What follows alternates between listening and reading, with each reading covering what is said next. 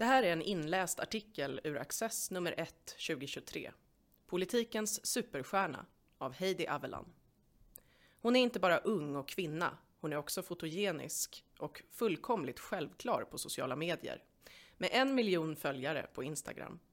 Förmodligen Finlands internationellt mest kända politiker, men med en i stort sett okänd politik. Så det är klart att Sanna Marin höstar in såväl jubel som sura kommentarer. Men hur blir det med röster i riksdagsvalet i april? En statsminister som besöker sin kollega i grannlandet för att diskutera ödesfrågor som NATO-medlemskap för de två alliansfria länderna och ställer upp för pressen iförd en svart skinnpaj. En regeringschef som träffar Ukrainas president Volodymyr Zelensky och poserar som för ett modemagasin. Han i sin numera ikoniska gröna T-tröja, hon i en svart. Innan dessa bilder blev virala hade hon avbildats i maktens svarta kavaj, fast utan något under, på omslaget till modemagasinet Trendy. Ett dekoltage som kvinnliga politiker annars bara visar upp på bal. En väldigt fri tolkning av klädkod kavaj.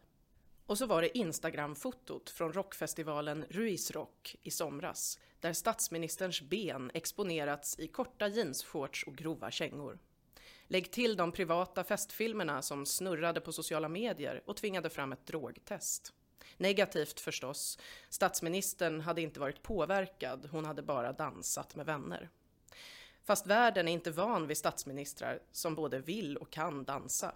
Frånsett då Hugh Grants rollfigur i filmen Love actually. Så här är vi absolut inte vana att se höga politiker. Särskilt inte kvinnliga politiker och absolut inte i Finland, där det praktiska alltid brukar gå före det flärdfulla. Följaktligen är Marin känd ute i världen på ett sätt som få nordiska politiker idag. Men vet någon vad hon står för? Vad hon vill och gör?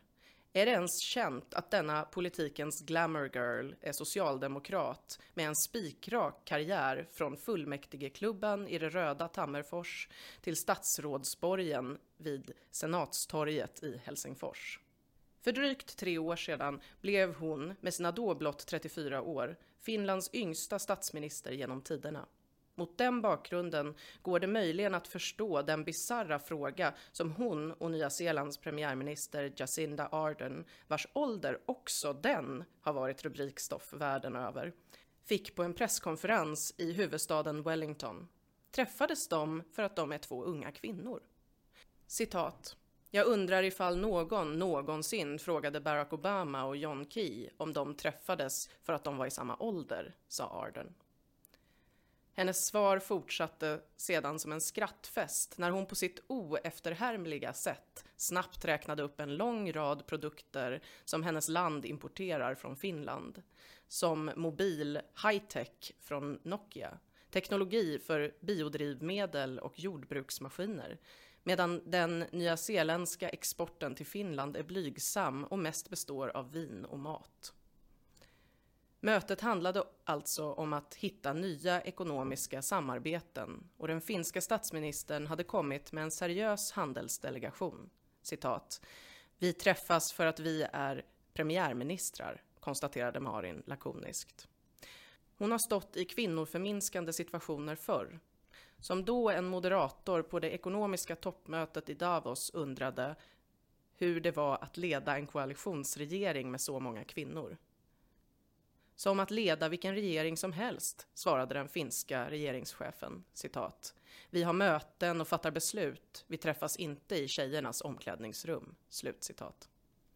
Omvärlden ser en ung tjej när den tittar på Sanna Marin. Men det som kommer att ta plats i historieböcker är knappast hur hon ser ut eller hur gammal hon är, utan vad hon åstadkommit. För hon blev alltså den statsminister som till slut, skuldra vid skuldra med republikens liberalkonservative president Sauli Niinistö, tog klivet in på NATO-vägen. Övertygelsen om att det var det rätta att göra genomsyrar det finska samhället.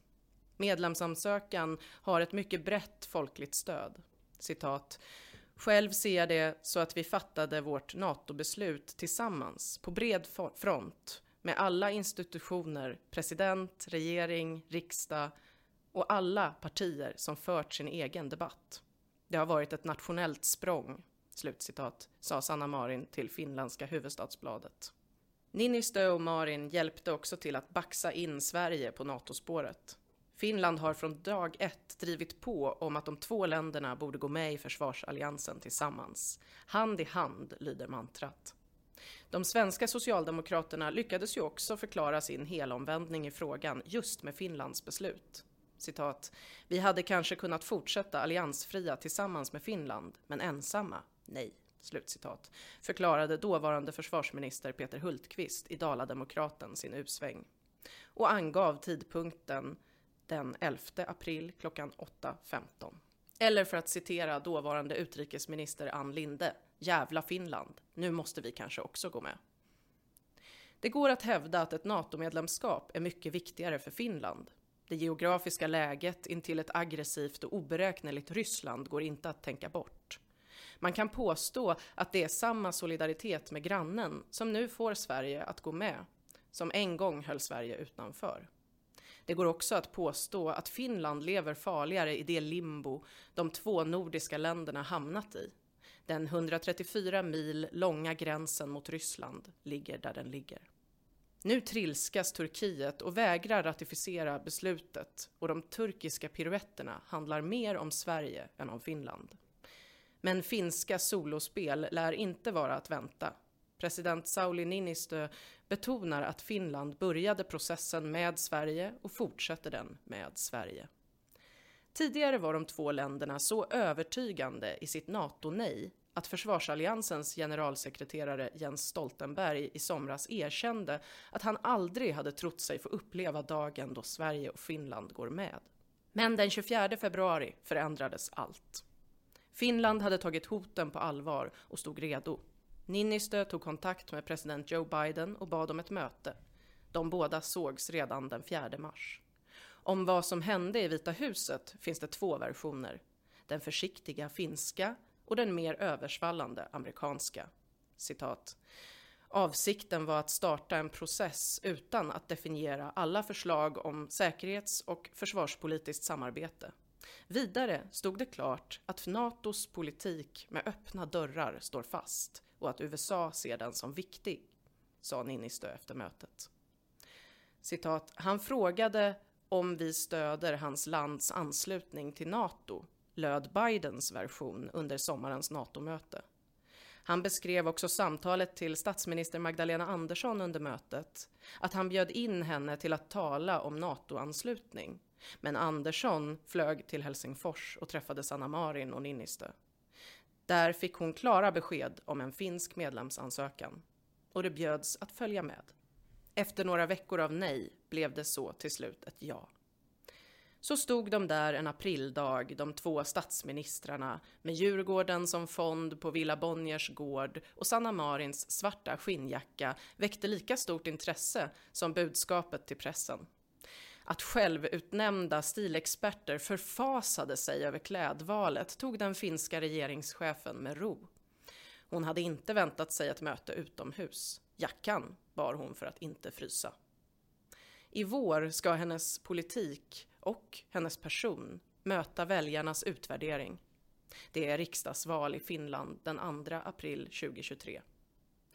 Sanna Marins varumärke sticker ut som ett av denna mandatperiods speciella fenomen, konstaterar den stora finska tidningen Helsingin Sanomat, som också räknar med att detta varumärke kan påverka valutgången. Dock oklart hur. För hon är populär bland unga, men många äldre är skeptiska till både henne och hennes unga kvinnotunga regering. Finland är trots allt ett väldigt traditionsbundet land. Marins popularitet hemma och utomlands är något helt nytt för en finsk politiker.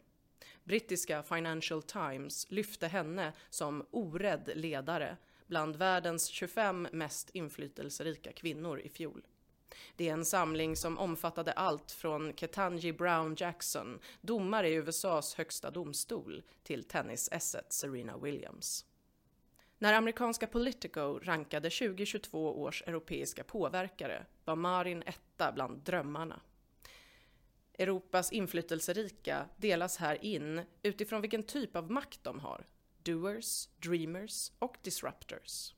Citat. Det krävs en speciell politisk skärpa att bryta med decennier av en utrikespolitik som nedsättande uppkallats efter ens eget land. Men under Sanna Marin kan Finland inte längre anklagas för finlandisering, löd motiveringen. Nu går det förstås att invända att finlandiseringen, ryggen som kröks inför Kreml, är historia sedan länge. Men äldre generationers politiker har trots allt haft en särskild respekt för och särskild koppling till de ryska ledarna. Medan Marin klart och tydligt, bland annat inför EU-parlamentet, pekar på naivitet i förhållande till Ryssland och ser detta som en uppfattning som baserar sig på felaktiga antaganden. Citat. Europa byggde sin säkerhet på starka ekonomiska bindningar, särskilt inom energin. Det var ett fel vi öppet måste medge så att vi kan lära oss i framtiden, sa hon till Huvudstadsbladet. Citat, Polen och Baltikum varnade många gånger för att Ryssland inte tänker på samma sätt. Att ekonomiska bindningar inte motverkar krig. Ryssland har en annan logik. Och de här länderna hade rätt i den frågan. Vi borde ha lyssnat mer på deras historia." Slutcitat. Hon står alltså för en generation långt från gammal finlandisering och levererar korta, snärtiga svar om det säkerhetspolitiska läget. Det går hem i internationell press, medan politiska bedömare hemma i Finland muttrar och efterlyser en djupare analys. Idépolitikern från vänster tvingades snabbt bli krisledare Sanna Marin har lett landet genom såväl coronapandemin som säkerhetskrisen. Och den sista tiden fram till valet väntas helt överskuggas av oron för energiläget i kölvattnet av Rysslands invasion av Ukraina, sanktionerna och den strypta energiimporten. Allt detta drabbar Finland ännu hårdare än Sverige. Den finska energiförsörjningen har varit hårt knuten till grannen. Hon har klarat av utmaningarna med den äran. Pandemihanteringen fick uppskattning också utomlands. Klimathotet har fått Finland att binda upp sig till världens mest ambitiösa klimatmål. Säkerhetskrisen ledde rakt in i NATO. Marin är också betydligt mer populär än sitt parti och kan ge det rejäl draghjälp i april. Stödet för statsministern är starkt, även om hennes regering är svag. Ideologiskt har det hela tiden funnits ett motstånd mot fempartikoalitionen där Socialdemokraterna samsas med Centern, Gröna förbundet, Vänsterförbundet och liberala Svenska folkpartiet. När den tillträdde den 10 december 2019 leddes alla partierna, utom Socialdemokraterna, av kvinnor. Marin blev partiledare först 2020. Dessutom var 12 av 19 ministrar kvinnor. Sanna Marin, då 34 år, blev Finlands yngsta statsminister genom tiderna och yngst bland världens sittande statsministrar. En regering som stack ut, minst sagt. Det provocerade vissa och fick andra att jubla. Äntligen tog Finland ett kliv in i nutiden. Till en början mättes också denna regering med en annan måttstock, säger politiska bedömare i landet. Finland har aldrig haft en ledande politiker med en så stark idolkult.